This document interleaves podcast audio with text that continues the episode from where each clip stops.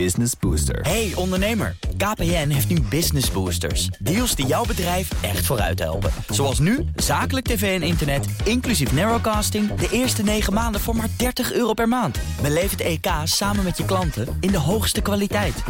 Kijk op kpn.com slash businessbooster. Business Booster.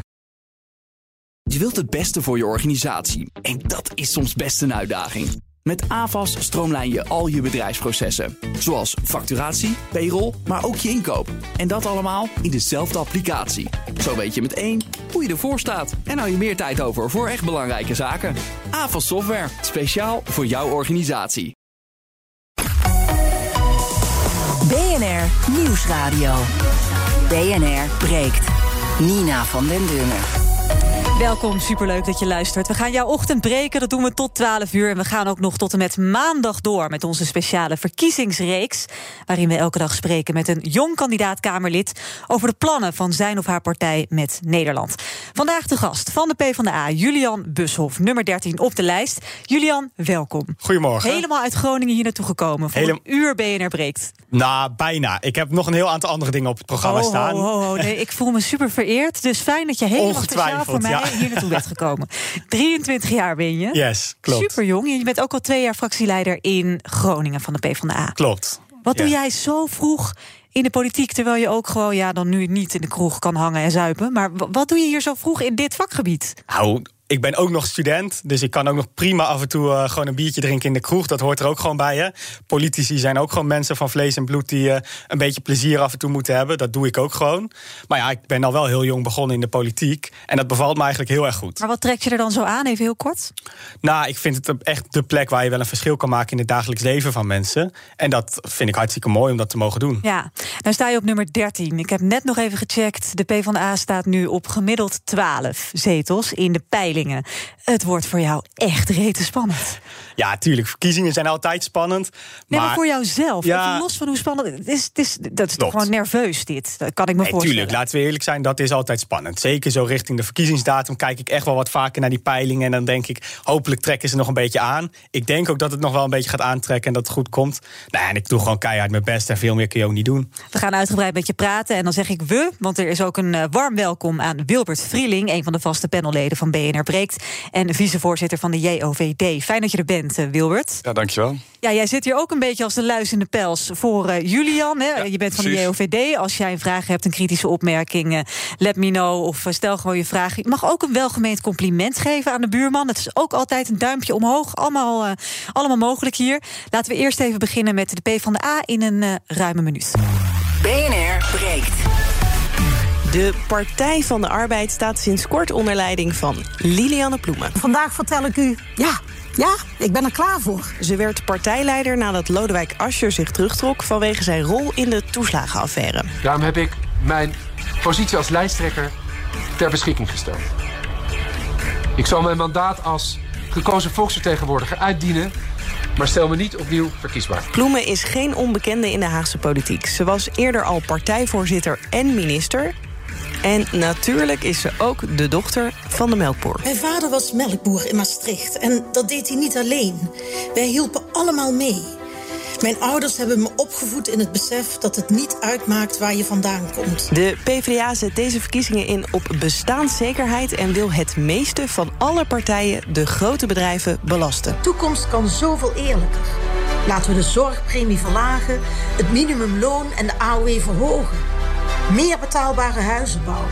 Het is tijd voor een andere koers. Vandaag in BNR breekt de Partij van de Arbeid. Ja, die 42 miljard aan lastenverzwaring die de PvdA in petto heeft voor eh, het bedrijfsleven gaan we zo meteen over praten. Julian, word je al gek van het melkboerenverhaal van eh, Ploemen? Nou, eigenlijk valt het wel mee, want eh, zoveel hoor ik het eigenlijk niet voorbij komen. Ik luister de campagnespotjes eigenlijk helemaal niet. Nou, het komt echt veel voorbij in allerlei eh nou, daar ben ik heel blij mee. Maar ik ben vooral zelf op campagne, dus ik krijg er niet eens zo heel veel van mee.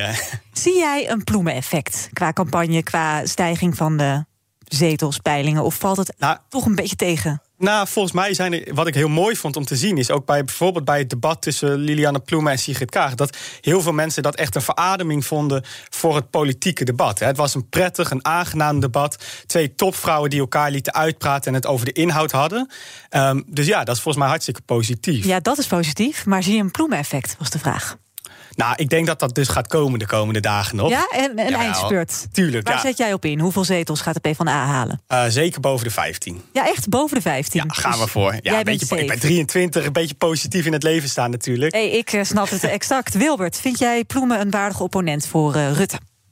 Om eerlijk te zijn, niet. Nee. Waarom niet? Ik, nou ja, je ziet nu toch als er komt er echt niet tussen. Je, ziet nu ook gisteren weer, dan zie je waar het echt grote debat is. Dat is eh, Wilders tegen Rutte. Dat, daar gaat het nu om. Ja, daar maar dat is spotlight ook een beetje peilingengedoe, hè? Want PVV is nou eenmaal de nummer twee in eh, de peilingen. Dus dan krijg je altijd van, oh, de nummer één neemt het even tegen de nummer twee op in een eh, in een één op één debat. Dus ja, dat is ook een beetje. Ja, Ja, ik denk het dat dat je. vooral. Het ligt natuurlijk ook. Ploem heeft natuurlijk een beetje pech gehad. Of de PvdA heeft eigenlijk pech gehad dat Asje last minute uit moest. Net als eigenlijk met CDA, met Hugo de Jonge. En dan zie je ook Wopke Hoekstra zit zo erg te struggelen om op dat niveau van een Rutte en een Wilders te komen. Dat zie je eigenlijk ook een beetje met Ploemen. Die moeten ook nog echt haar weg daarin vinden. Maar dat is dus omdat ze nieuw zijn, wat jou betreft. Ik denk dat dat wel echt de enige primair. Ja? Ik ben het daar niet mee eens. Ploemen is gewoon al een minister geweest. Die weet heel goed hoe Oh, ze is zich ze moet nog steeds? Ja, nou ja, ze is nu geen minister. Oh, nee, hè. Ze is nu gewoon lijsttrekker en Kamerlid. Maar ze was minister. Ze heeft haar sporen al ruimschoots verdiend. Dus ze kan volgens mij prima tegenwicht tegen Ja, maar iemand het als is Rutte wel bieden. iets anders natuurlijk dan als je ineens een lijsttrekker bent en in die zware debatten Tuurlijk, moet staan. dat is, nieuw. pittig, toch? Dat, zeker, dat is pittig, dat is nieuw en dat is wennen.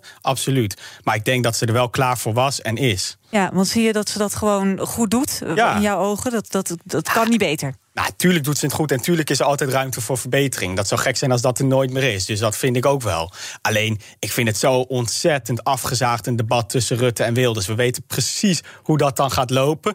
Niemand wordt er wijzer van. Dan denk ik, dat kun je veel beter een debat hebben tussen Lilianne Ploemen en Rutte. Want dan gaat het echt over de inhoud en over een andere eerlijke koers voor Nederland. Ja, nou ja, dat zit er dan nu helaas niet in. We gaan wel even flink discussiëren over de lastenverzwaring van 42, eh, 42 miljard die de PvdA graag voor ondernemers. En daarover gaat dus ook ons BNR breekt.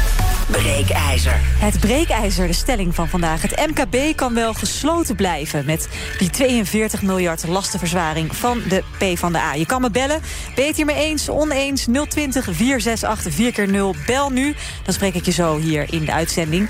De PvdA zet er dus fors op in, eh, Julian. Ehm, het MKB en ook andere grote bedrijven, de brancheverenigingen... die schoten in de gordijnen van, eh, van afschuw van dit plan van de PvdA. Want jullie zijn wel kampioen lastenverzwaring van alle partijen... als het om het bedrijfsleven gaat. Ehm, ik ben heel benieuwd wat jij van, de, van dit breekijzer vindt. Het MKB kan wel gesloten blijven met eh, 42 miljard extra lasten erbij.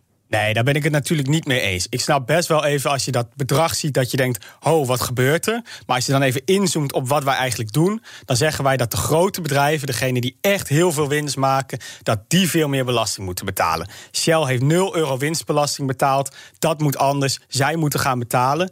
En wij hebben juist ook hele goede plannen voor MKB'ers. Dus volgens mij hoeft MKB Nederland niet bang te zijn voor onze plannen. Maar gaan we wel ervoor zorgen dat de echt grote bedrijven eerlijk belasting Maar gaan vertel betalen. eens wat, eh, wat goed is voor de, de, de MKB'er dan. Nou, bijvoorbeeld een van de plannen wat ik heel erg veel hoor van ondernemers, wat een, echt een zorgpunt is, is dat zij bij ziekte van een werknemer eh, best wel lang daaraan aan doorbetaling vastzitten. En wij gaan er dus voor zorgen dat dat collectief geregeld wordt. En Maar dat wel zorgt bij hele kleine ondernemers, want dat is maar tot 25 mensen. Precies, maar dat is het MKB. Maar weet die- je hoeveel MKB er meer dan 25 mensen in dienst hebben? En dat zijn echt Zeker. niet de grote jongens. Nee, maar wat, wat ook nog wel een punt is, hè, als het gaat over die lastenverzwaring en het verhogen van de winstbelasting, dan gaat dat pas in vanaf het moment dat je meer dan 200.000 euro winst maakt. Mhm. Dus dat zijn niet per se de bakker op de hoek. En als Nee. je wel meer dan 200.000 euro winst eh, maakt, dan kun je prima 30% winstbelasting betalen. Ja. Dat doen andere landen om ons heen ook. Dat is eerlijk. Maar ook in deze tijd, want we hebben een zware crisis zitten we in. Eh, er zijn genoeg ondernemers die enorm, ook die normaal Zeker. twee ton winst maken, hè, die enorm hebben moeten interen op die reserves die ze hadden, die hun eigen pensioenpotjes aan het opeten zijn. Die mogen zo hopelijk weer open, kunnen weer winst gaan maken, komen misschien wel op twee ton winst. Maar hun reserves zijn verdampt. Kun je dan op dat moment die ondernemer zeggen: jij gaat nu toch echt 5% meer winstbetaling, eh, winstbelasting betalen dan eh, eerder? Ja, en volgens mij is het. Kijk, er zijn volgens mij twee punten enorm belangrijk hierin. Eén, dat je dus op het moment dat je meer dan twee ton winst maakt, dat je gewoon ook bijdraagt aan voorzieningen van ons allemaal door gewoon netjes belasting te betalen. Dat kan volgens mij. Dat is eerlijk volgens mij om het op die manier te doen.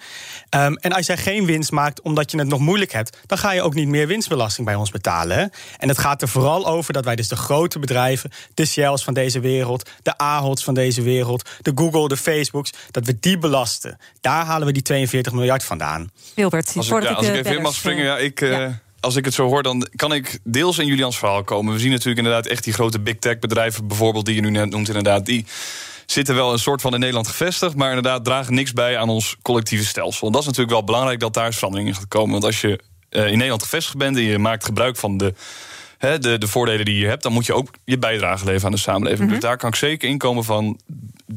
ga bijdragen. Dus niet on, uh, belastingontduiking moet hard aangepakt worden. Maar ik zou zeggen, ga voor die Europese aanpak. Want we moeten ook oppassen dat we niet onze internationale concurrentiepositie gaan verliezen straks. Dat straks al die bedrijven zeggen: Nou, oké, hier gaan we betalen. Nou, dan gaan we hier ook weer weg. En dan zijn we nog verder van huis. dat vind ik altijd zo'n raar argument. Want uh, tot in de vezels voelde Mark Rutte dat de dividendbelasting moest worden afgeschaft. Die wordt niet afgeschaft. En er zijn niet veel minder bedrijven in Nederland gekomen.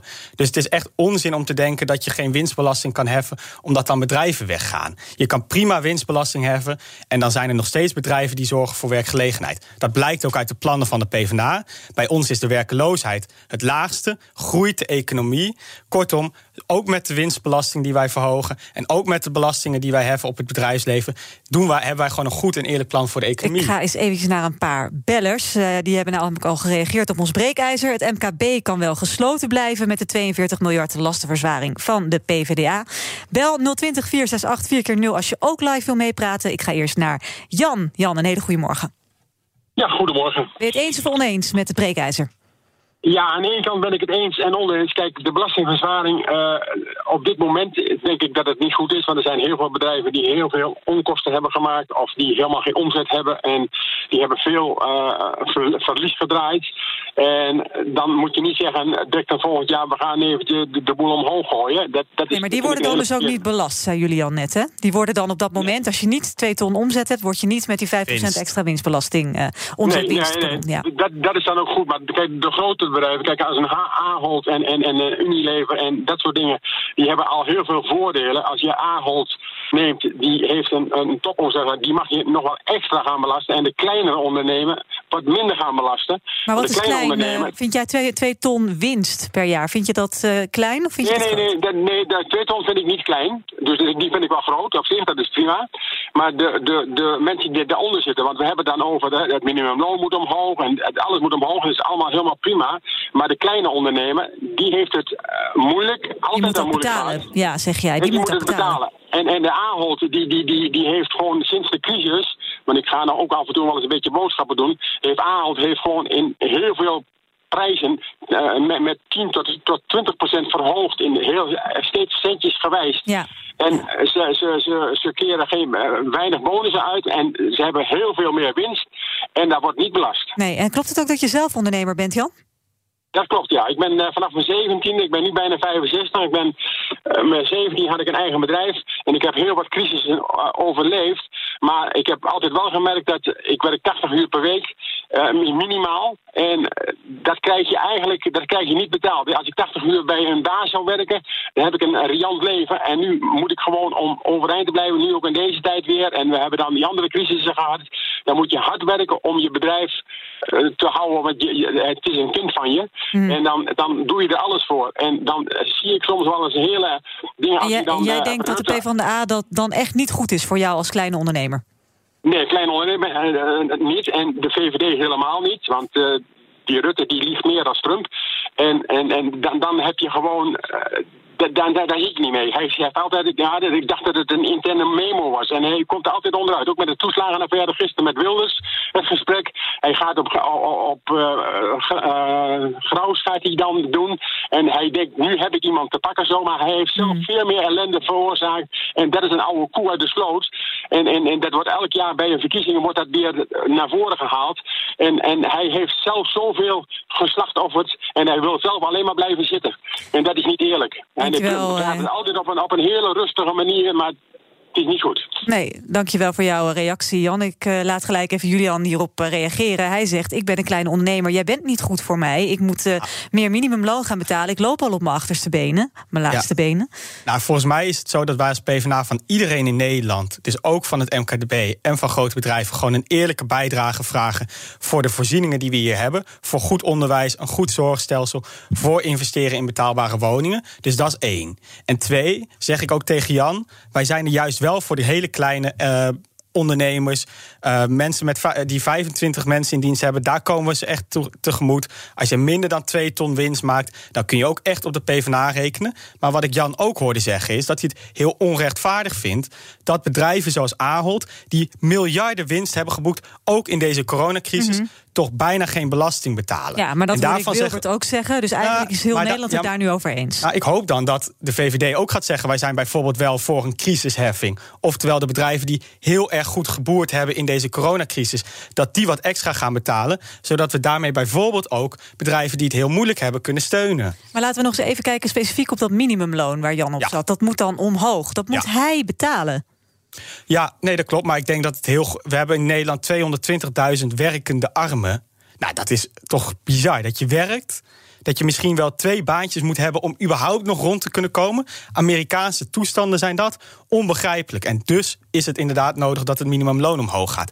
En het zijn toch wel vaak de hele grote bedrijven, zoals weer Albert Heijn, de Aholds van deze wereld, die, heel, die hun werknemers heel erg weinig betalen. En voor hun is het dus hard nodig dat we zeggen: het minimumloon gaat omhoog. Ook als jij 18 jaar bent, verdien je gewoon bij de Albert Heijn, wat de PvdA betreft, een volwaardig minimumloon dat omhoog gaat naar 14 euro. Ja, maar de, ik ben het deels met Julian eens. Hè. De minimumloon kan zeker wel omhoog. Hè. Mm -hmm. Werken moet lonen, zeggen we altijd dan uh, bij de JOVD. En daar kan ik ook helemaal in komen. Maar niet zo'n drastische verhoging als de PvdA zou ik nog niet gaan doen. Maar ik zou wel zeggen, inderdaad, een kleine verhoging... zorgt dat mensen echt gestimuleerd worden om te werken. Maar ik denk dat er nog veel meer vraagstukken zijn waar we mee bezig moeten. En dat is de hervorming van die arbeidsmarkt. Want dat moeten we ook uh, even goed gaan meenemen. Want als we denk ik nu de minimumlonen massaal gaan verhogen... dan uh, wordt dat werkgeverschap en de vaste contracten zijn dan nog verder van huis. En dat is denk ik ook iets wat de PvdA niet wil. Dus ik denk dat we ook eens moeten gaan kijken... hoe gaan we flex minder flex maken en vast iets minder vast. BNR breekt. Nina van den Dungen. Je luistert nog steeds natuurlijk naar BNR breekt de verkiezingsspecial. We hebben vandaag uh, Julian Bushoff te gast. Nummer 13 op de kandidatenlijst voor de PvdA. En naast mij zit ook Wilbert Vrieling, vicevoorzitter van de JOVD. Uh, je kan ook nog steeds bellen op ons breekijzer 020 468 4x0. Het MKB kan wel gesloten blijven met de 42 miljard lastenverzwaring van de PvdA voor het bedrijfsleven.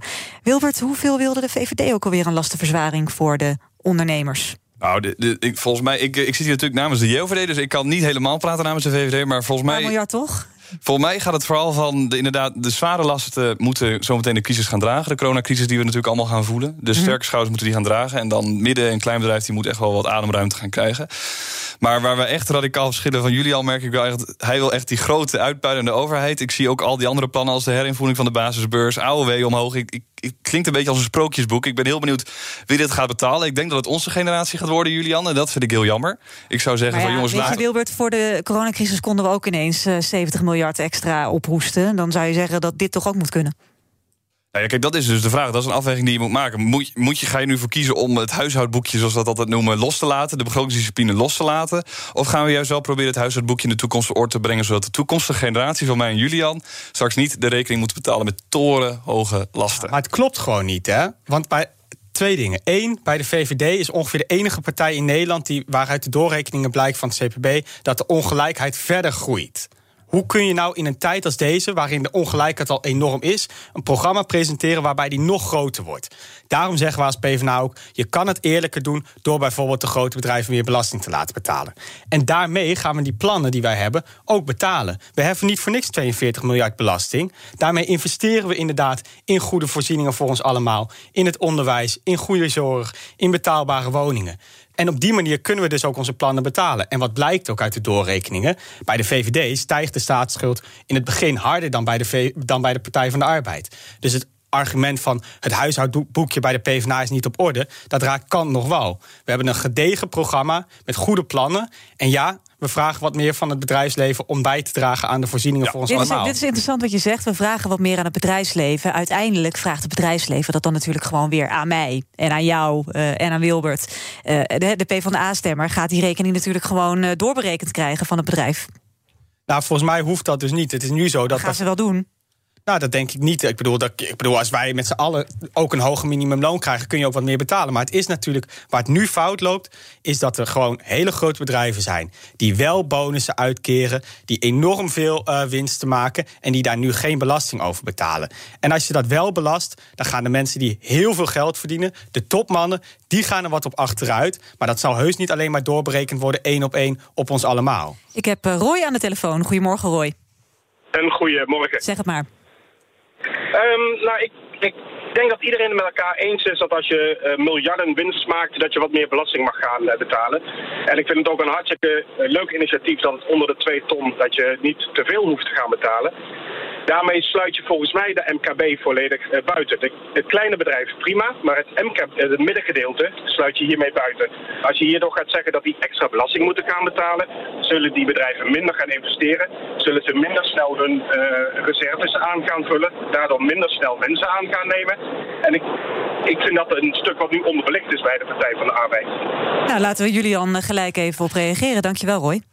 Nou, ik kan me dat wel enigszins voorstellen dat je dan denkt van... goh, uh, wordt het dan niet steeds moeilijker voor een uh, middenbedrijf... om bijvoorbeeld mensen in vaste dienst te nemen? Maar daarom zeggen wij als PvdA ook... stel nou dat jij meer mensen gelijk een vast contract geeft... dan krijg je van ons ook een premie. Dus we maken het voor het midden- en kleinbedrijf ook aantrekkelijker... om mensen in vaste dienst te nemen. Dus ja, en we, investeringen? Wat, wat nou, wij hebben ook bijvoorbeeld een heel, we hebben een heel erg ambitieus investeringsprogramma als PvdA... in onderzoek, in een duurzame en groene economie. Daar investeren we in. Ja, maar het gaat erom dat het bedrijf dan geen geld meer over heeft... als ze meer belasting moeten gaan betalen... om dat te stoppen in innovatie of in uh, nieuwe werknemers. Nou ja, misschien hebben ze ietsjes minder over om dat inderdaad te stoppen in um, innovatie en dat soort zaken. Is toch slecht voor het economisch volgens mij niet. Nou, volgens mij niet, want wij investeren dat als overheid juist weer in dingen die voor ons allemaal belangrijk zijn. En je ziet dus ook dat de economie bij de PvdA groeit de komende jaren, gewoon met een volle procentpunt. Dus ja, ik ik zie niet in waarom dat niet goed zou zijn voor de economie als wij wat meer belasting heffen en dat juist investeren in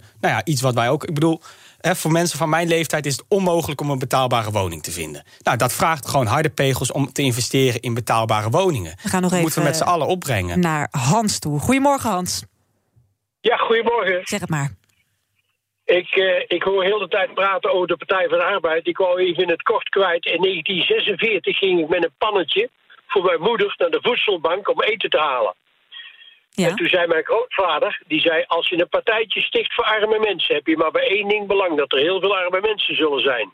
Dan leven we 75 jaar later. Ik ben inmiddels zelf opa geworden van veel kindertjes. Gefeliciteerd. En wat, heb, en, wat, en wat hebben we nou in 75 jaar gehad aan de Partij van de Arbeid? Niets. Helemaal... Nee, ben jij, je bent de teleurgestelde uh, Partij van de Arbeid uh, stemmer, denk ik dan, in elk geval in het verleden. Nee, nee, nee, nee, nee, nee, nee, nee. Want ik heb nog nooit in mijn leven socialistisch gestemd. Als ik dat zou doen, ah. deed ik dat maar op één partij, dat is de SP. En nooit op die Partij van de Arbeid. Maar waar, wat, maar ben, wat had je willen zien van de PvdA? Wat je echt hebt gemist? Wat ik gemist heb, dat ze niets gedaan hebben voor mensen met een klein portemonneetje. Ze hebben alleen maar miljonairs gekweekt. Ik kan zomaar even, als ik, ik wil niet aan de lijn blijven, maar ik zou zomaar even 25 mensen op kunnen noemen die miljonair zijn geworden onder de vlag van de Partij van de Arbeid. Hm. En de arme mensen, die lopen nou nog met z'n allen naar de voedselbank anno 2021. We moeten ons kapot schamen in dit land. En dan roept onze koningin bij afscheid... wij leven in een van de rijkste landen ter wereld. Ik denk, ja, jij, maar de mensen aan de voedselbank niet. Julian, uh, reactie? Nou, ik vond het in ieder geval een hele mooie inleiding. En ik ben het er wel mee eens dat het natuurlijk uh, heel treurig is... dat er nog steeds mensen naar de voedselbank gaan. En daar moeten we volgens mij ook wat aan veranderen. Um, ik ben het er niet mee eens dat de afgelopen jaren, decennia... de PvdA niks heeft bereikt. We hebben bijvoorbeeld uh, het hele sociale zekerheidsstelsel... wat we nu hebben, is voornamelijk te danken aan de inzet van vakbonden... de Partij van de Arbeid. Dus volgens mij zijn heel veel mensen daar wel heel goed... Uh, ja, varen daar heel wel bij volgens mij. Dus nou ja, ik kan me voorstellen dat we nog een hele grote opdracht hebben... om ervoor te zorgen dat er minder mensen in armoede leven. Maar we hebben volgens mij als PvdA ook heel veel bereikt en nog heel veel te doen. We spreken zo uh, verder, namelijk met uh, Julian en Wilbert... over nut en noodzaak van blokvorming op links... en over Baudet die gisteravond al dan niet terecht wegliep... van de tafel van Jinek. Ik spreek je zo weg. BNR Nieuwsradio. BNR breekt. Nina van den Dungen. Julian Bushoff is nog steeds bij ons, de nummer 13 van de PvdA voor de verkiezingen. En Wilbert Vrieling, vicevoorzitter van de JOVD, de VVD Jongeren. Ik ga gelijk nog even, om uh, zo langzaam tot een afronding te komen van ons breekijzer... nog even naar uh, Jeroen. Goedemorgen, Jeroen. Ja, ik, ik heb sympathie voor het plan van de PvdA, maar het gaat helaas niet werken. Uh, je ziet in onze branche, de grafische branche, dat steeds meer pakketten gaan naar het buitenland. Dus de bedrijven zelf blijven bijvoorbeeld wel in Nederland alleen nog met een verkoopkantoor, maar de productie verdwijnt. En dat heeft hele nadelige gevolgen voor het milieu, voor werkgelegenheid. Bedrijven laten zich niet opsluiten in hun eigen land. Dus jij denkt dat de lastenverhoging mensen weg gaat jagen, bedrijven weg gaat jagen? Nou, je, nou ja, jagen, wij doen het al. Wij laten alles in Hongarije produceren en we hebben alleen nog maar een verkoopkantoor in Nederland. Ja, dus het gebeurt al. Dus is die 42 miljard lastenverzwaring dan nog, um, dan nog erg als het toch al gebeurt? Dat komt er bovenop. Dus dan zou je zien dat onze collega's die nog in Nederland produceren... gaan dezelfde stappen ondernemen, wat nu al gebeurt. Maar het zal een boemerang effect zijn. Het, het gaat nog sneller dan. Dankjewel. We gaan nog even naar Nico. Nico, goedemorgen. Goedemorgen. Ik ben het oneens met de stelling. Eén, uh, de reden waarom ik het oneens mee ben, is dat het één wel een goede bijdrage heeft aan de economie. Waarom? Ik weet uit het verleden zelf, ik neem, ik neem een voorbeeld van Philip Morris. Die had in 1984, 86 uit mijn hoofd een belastingafspraak gemaakt. Mm-hmm. Waarom betaalt dat, dat bedrijf maar 8% inkomstenbelasting? En de andere bedrijven, de kleine en middenkleine bedrijven, veel meer. Dat is al nummer 1. De Shell die met een trucje eromheen zet en een hoofdkantoor in het buitenland en niks betaalt. Ja. En zo zijn er nog heel veel bedrijven. Ik vind eigenlijk dat er een wet moet komen voor die bedrijven die in Nederland gevestigd zijn. Hoe dan ook de inkomstenwet in Nederland is, of je nou een hoofdvestiging hebt in het buitenland of niet. Hoe dan ook, inkomstenbelasting die hier betaalt. Mooi, gaan we even aan Julian voorleggen. Een wet die dat regelt. Ja, ik denk dat dat dan heel goed. In principe moet het natuurlijk zo zijn dat over de winst en de, alles wat je hier in Nederland verdient, moet je gewoon ook eigenlijk belasting betalen in Nederland. Dat zou wel zo eerlijk zijn. En over het punt dat ook bedrijven naar andere Europese landen vertrekken, ja, daarom moeten we dit ook natuurlijk Europees aanpakken, zodat het niet meer mogelijk is om voor heel veel lagere productiekosten naar Hongarije te verhuizen, bijvoorbeeld. Dus dat zou mijn, tweede, mijn antwoord zijn op de eerste inbellen, van wie ik de naam heel eventjes niet meekreeg. Ja, maar ik denk dat wel. De, de gedachtefout is denk ik altijd, dat is altijd een beetje bij de PvdA van ja, we gaan nog allemaal maar wetten tegenaan gooien. Die bedrijven die gaan het allemaal maar slikken. Dat is natuurlijk niet de waarheid. Je moet uiteindelijk wel, tuurlijk, belastingontduiking, prima. Overheid als marktmeester is heel wenselijk in de markt, want die markt is nu niet eerlijk. Daar hebben we het eigenlijk net ook al even over gehad met de Facebooks en dergelijke. Dus daar moet je inderdaad als overheid wat aan doen. Maar als je gaat zeggen, jongens, jullie moeten hier wettelijk dit allemaal zo en zo gaan doen, dan, dan rennen ze gewoon. Uh, het is gewoon weg. echt, maar het is toch bizar dat we gewoon op dit moment inderdaad hele grote bedrijven, zoals je zelf ook zegt, van de VVD ook zegt, die betalen geen belasting, maar dat je daar geen plannen voor maakt om ze dan wel belasting te laten betalen. Sterker nog, je zegt eigenlijk: we willen liever de dividendbelasting afschaffen. We willen de winstbelasting verlagen. Allemaal cadeaus aan grote bedrijven, aan aandeelhouders. Terwijl we hier in Nederland te maken hebben met een enorme wooncrisis. Er moeten meer betaalbare woningen bij komen. Leraren stonden op het Malieveld de afgelopen jaren te demonstreren omdat er te weinig geld naar onderwijs ging. En toch koos de VVD, CDA en D66 ervoor om telkens cadeaus aan grote aandeelhouders te geven. en daarvoor nog de PvdA. Maar Julian, wat je dus de hele tijd hebt, is dus dat de hele tijd, als je dus Europees het niet gaat regelen, dat die bedrijven zo naar een ander Europees land gaan, of misschien wel buiten de Europese Unie. Je kan het beter Europees gaan regelen en dan de Europese markt goed uh, van buiten beschermen. Dat er niet allemaal goedkope concurrentielanden in kunnen komen. Want dat is geen eerlijke concurrentie. En dan gewoon het Europees aanpakken. Zodat die bedrijven niet die vluchtroute hebben. En dus ook wel een soort drang voelen om hier te blijven en bij te gaan dragen. Ja. Kijk, wij als PvdA zeggen dat doen we en-en. En we regelen het hier goed in Nederland. En we regelen het op Europees niveau. En de VVD doet eigenlijk exact niks. Nee, de VVD die zit in op Europees niveau en de JOVD ook. Want als je nogmaals, als je niet op Europees niveau gaat inzetten, dan gaan ze zo weg. Ja, maar dat, het, het klopt gewoon niet. Want als je de doorrekeningen van het CPB bekijkt, dan zie je gewoon dat bij de Partij van de Arbeid de werkgelegenheid niet kleiner wordt. Sterker nog, we creëren meer werkgelegenheid. We hebben een sterkere economie. Dus het verhaal van de VVD. Staatsbanen zijn geen duurzame nee, banen. Deze discussie kan echt nog uren duren. Maar ik wil ook even over dat linkse blok eh, gaan praten. PvdA, SP en GroenLinks. Jullie hebben best wel veel overeenkomsten. Dat moet je gelezen hebben in de uh, verkiezingsprogramma's. We weten hoe ver de VVD op jullie voorloopt in de peilingen. Is er nog iets mogelijk? Kun je nog iets bewerkstelligen met een, uh, een blokvorming met jouw twee counterparts? Nou, wat we zeker moeten doen als linkse partijen is elkaar vasthouden en samenwerken op inhoud tegen de hele gure rechtse voorstellen van de VVD. Dat hebben we de afgelopen jaren gedaan. We hebben telkens tegenbegrotingen gepresenteerd en dat moeten we blijven doen. Maar waarom durf je nu niet bijvoorbeeld echt een agreement te sluiten met hen? Te zeggen: een stem op één van ons drie is gewoon gegarandeerd. Wij vormen met z'n drieën een coalitie en met de mensen die we daarbij nog nodig hebben. Maar proberen om uh, in totaal gewoon meer zetels te behalen in de, in, uh, de verkiezingen. Ja, ik vind dat niet zo zinvol. Volgens mij moeten we het niet zo heel erg hebben over de vorm van gaan we nu samen of wat voor afspraken maken we. Volgens mij gaat het erom dat we op inhoud goed kunnen samenwerken als linkse partijen.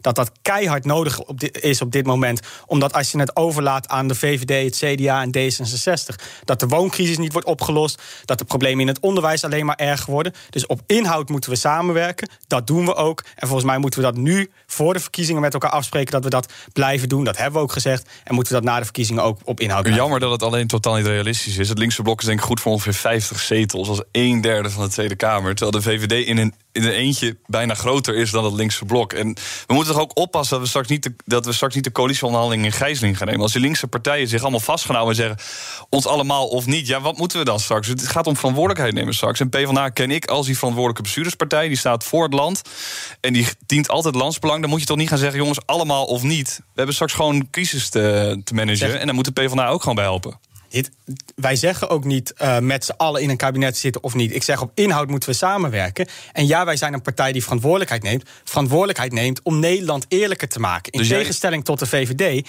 En daarvoor is het dus keihard nodig dat wij als linkse partijen elkaar inderdaad. Dus die handreiking van Jesse Klaver sla je af en je verscheurt die poster met die drie namen erop? Nee, helemaal niet. Nee. natuurlijk niet. We hebben de afgelopen jaren hebben we toch op inhoud goed samengewerkt. Hebben we laten zien dat andere eerlijke ja, Jesse Klaver wil dus een stapje zijn. verder gaan. Dat zeg jij niet doen dus.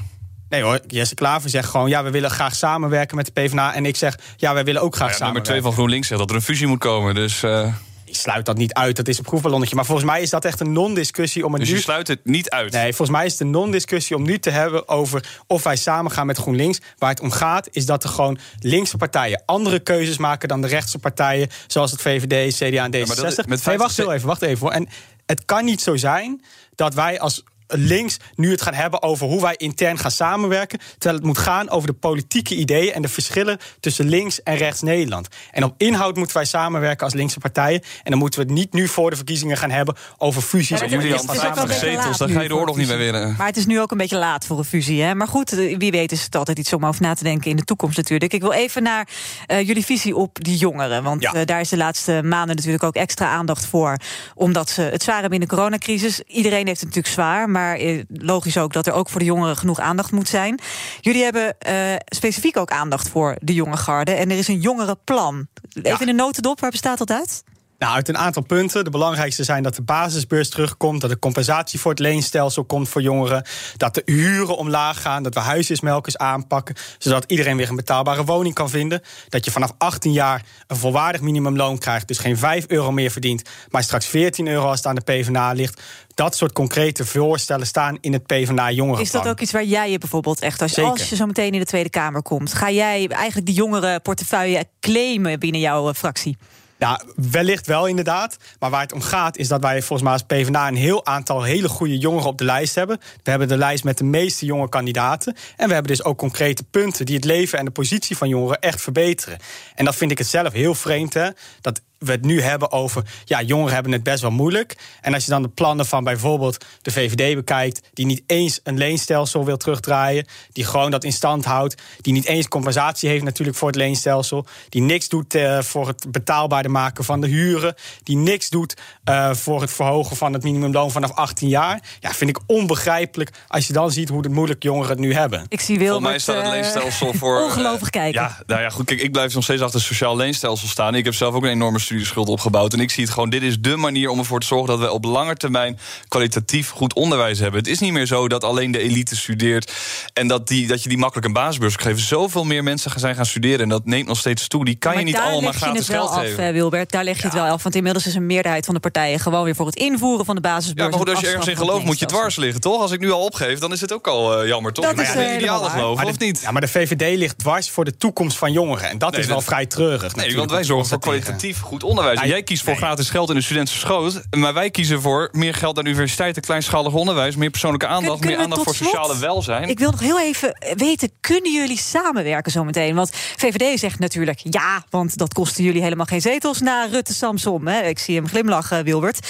Julian, ik denk dat dat een stuk meer pijn doet om eh, zometeen toch weer misschien bij de, P van, of bij de VVD eh, aan te schuiven. Nou ja, kijk, weet je waar het bij ons om, als Partij van de Arbeid over gaat? Ga- het gaat om de inhoud. Dus als wij onze belangrijke punten kunnen realiseren in een kabinet, natuurlijk gaan we dan in een kabinet zitten. Wat zijn de breekpunten? Nou, als wij ervoor kunnen zorgen dat het minimumloon omhoog gaat, dat vinden wij echt een belangrijk punt. Als je ziet hoeveel mensen het nu moeilijk hebben om rond te komen, nou, dan kunnen wij, willen wij natuurlijk wel in een kabinet gaan zitten. Ook tegen het cerebeen dus van Jan, de ondernemer die eerder belde. Ja, maar volgens mij doen wij heel veel de goede dingen ook voor ondernemers. Maar is het gewoon cruciaal dat we ook ervoor zorgen dat mensen fatsoenlijk rond kunnen komen in Nederland. Daarvoor moet het minimumloon omhoog. Dus dat is een breekpunt? Dat is een En dus ook zonder GroenLinks in een kabinet. Dat vind je ook prima. Nou, we hebben gezegd dat we graag met GroenLinks samen willen. Met een andere linkse partij willen wij graag samen in een kabinet zitten. Juist om meer van onze inhoudelijke agenda te kunnen realiseren. Maar D66, CDA en VVD gaan jullie niet doen. Ja, dat zijn geen linkse partijen. En die willen, het, eh, die willen helemaal niks doen aan de wooncrisis. Die willen amper het minimumloon wel- verhogen. dat, dat zeggen ze wel hoor. De, maar in de plannen- Iedereen wil woning, de woningnood oplossen. Iedereen wil het, alleen de VVD heeft geen enkel concreet plan om de woningnood op te lossen. Gisteren hebben ze nog eh, de, de huidige coalitie van CDA, VVD en D66 hebben nog voor meer flexibele huurcontracten gestemd. Tegen een huisjesmelkersboete gestemd. Dus ze doen niks aan het betaalbaarder maken van woningen. Ja, voor de PvdA is het belangrijk dat we daar wel wat aan doen. En dus willen we samen met een andere linkse partij die dat ook belangrijk vindt, in een kabinet gaan zitten. BNR breekt. Aan alle bellers eh, super bedankt. We hebben een mooi breekijzer gehad en eh, mooie debatten tussen de PvdA en eh, ja, ik zeg maar even de VVD. Maar eigenlijk is de JOVD, want jullie zijn geen VVD, hè, Wilbert? Nee, wij zijn wel echt de, de laatste onafhankelijke politieke jongerenorganisatie. Nou, check. Eh, we gaan even naar het weekoverzicht kijken, want het is alweer bijna voorbij. De week begon natuurlijk maandag met de persconferentie. Die had niet heel veel nieuwe verrassingen in petto.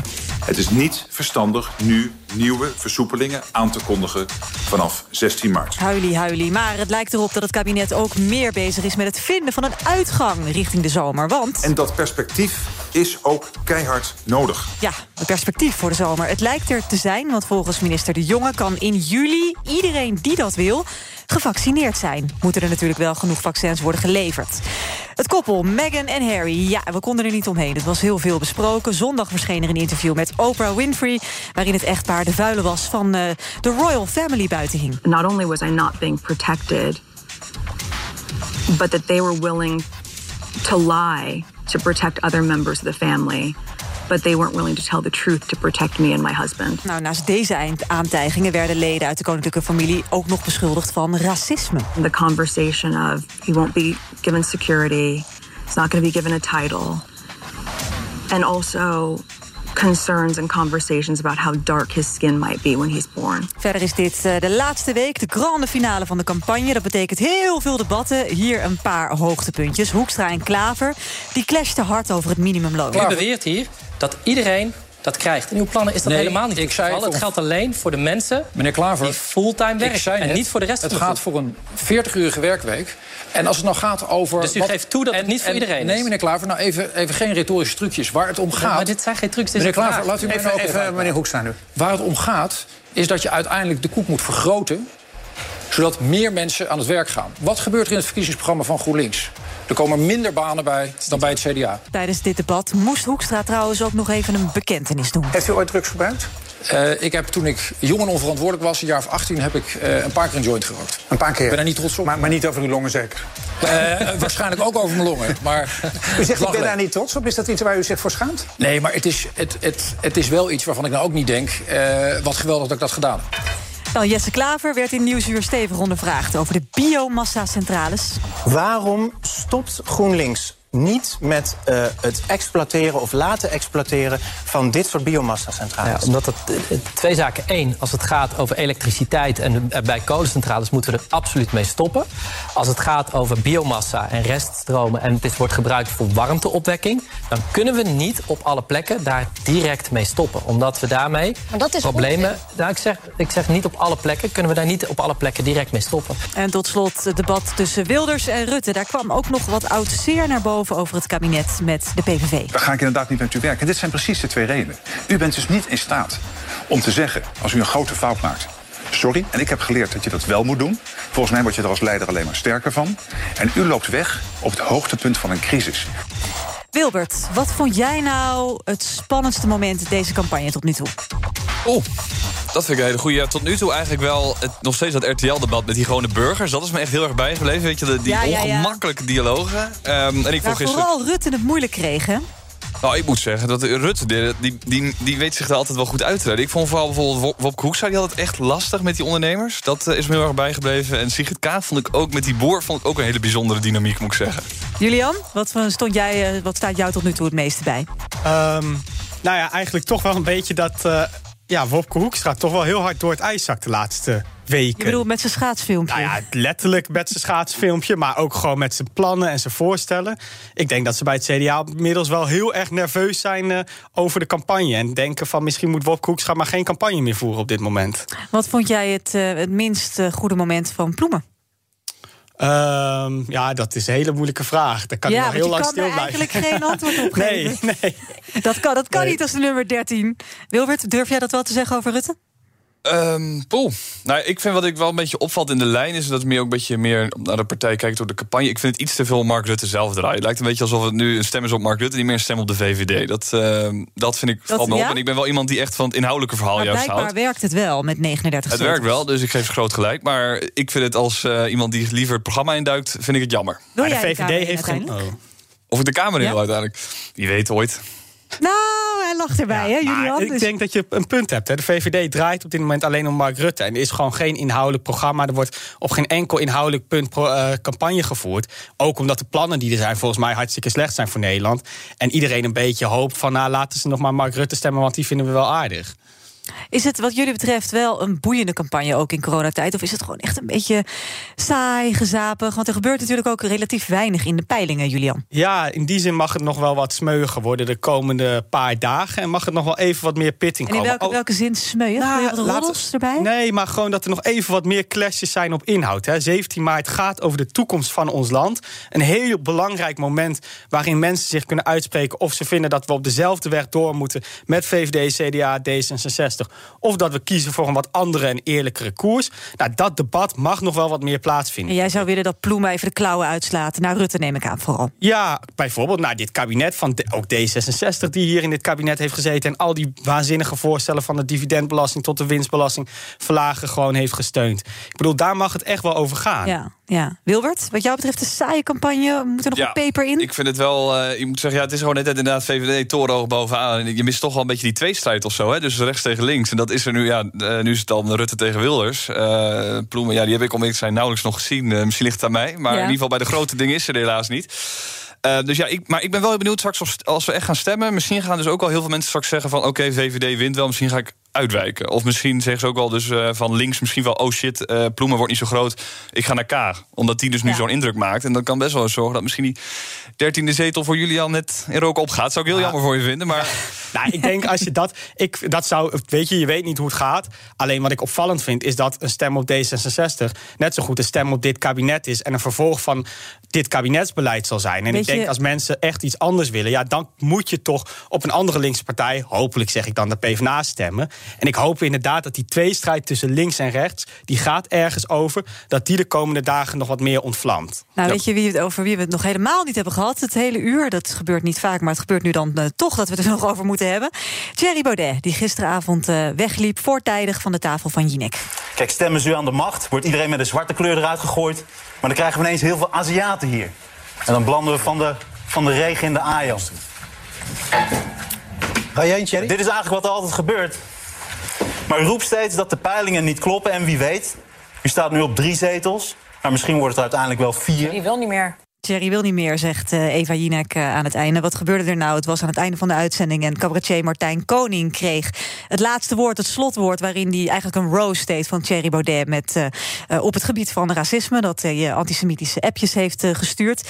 En het pijnlijke was dat ja, eh, Thierry moest blijven zitten... maar hij mocht niks meer zeggen en dat trok hij niet... dus hij liep voortijdig weg. Daar is een hele hoop explosie over, op Twitter over geweest. Sta je nou, is dit flauw van Thierry dat hij wegloopt of niet? Wilbert, wat vind jij? Ja, ik, ja, ik weet niet. Ik zou, ik zou wel zeggen, probeer te blijven zitten. Maar ik snap het in deze. Ja, niemand heeft gelachen volgens mij. Eh, het was gewoon echt een beetje te buitensporig. Want het was ook al gewoon, als je die avond hebt gezien, het debat was gewoon echt al kei en keihard. En dan was dit eigenlijk nog even de druppel. En dat paste gewoon niet op dat moment. Echt Nee. totaal niet. Julian? Nou, kijk, volgens mij was het niet een heel fraai tv-moment. Overigens is het geen nieuws eh, of Thierry wegloopt of niet, want dat doet hij wel vaker, vind ik. Klopt. En zelf ja, keek ik naar op één waar Henk Nijboer het had over veel belangrijkere dingen, namelijk over hoe we meer betaalbare woningen gaan bouwen in Nederland. Dat vond ik veel interessanter dan eh, te kijken naar Thierry Baudet. Ja, maar Julian, als ik even. Maar, we moeten toch ook op een gegeven moment toe van. Kijk, ik vind nu. Het lijkt een beetje op Ameri- Amerikaanse toestanden, lijkt het een beetje. Dat je die Democraten en die Republikeinen gunnen elkaar ook geen enkel licht. We moeten juist ook een beetje die verbroederlijking opzoeken. En die momenten van dat je toch na die tijd, na een vurig debat, even met elkaar een biertje drinkt. En dat je Zeker. elkaar niet de tent uit. Zeker. Dat, Misschien komt dat na 17 maart, eh, Wilbert. maar daar ben ik doorgaan, denk ik niet. Maar, Hoe bedoel Jongens, je? ik eh, Nou moet ja, alweer als je afsluiten. zo Maar jullie mogen buiten de studio nog verder praten. Maar anders nemen we allemaal tijd af van mijn collega Thomas. Dat kan natuurlijk niet. Julian, ik wens je super veel succes met de laatste dagen van je campagne. Het wordt spannend. Plek 13, net we wel, net ervoor. niet. Tuurlijk ga je ervoor. Komende maandag dan zijn we er met de allerlaatste aflevering van onze verkiezingsserie. Dan is GroenLinks nog te gast. En ook mijn collega Iwan is er dan weer. Blijf luisteren naar BNR Zaken doen om 12 uur met eh, Thomas van Zel. En ik eh, tot volgende Business Booster. Hey ondernemer, KPN heeft nu Business Boosters. Deals die jouw bedrijf echt vooruit helpen. Zoals nu, zakelijk tv en internet, inclusief narrowcasting... de eerste 9 maanden voor maar 30 euro per maand. Beleef het EK samen met je klanten in de hoogste kwaliteit. Kijk op kpn.com slash businessbooster. Business Booster.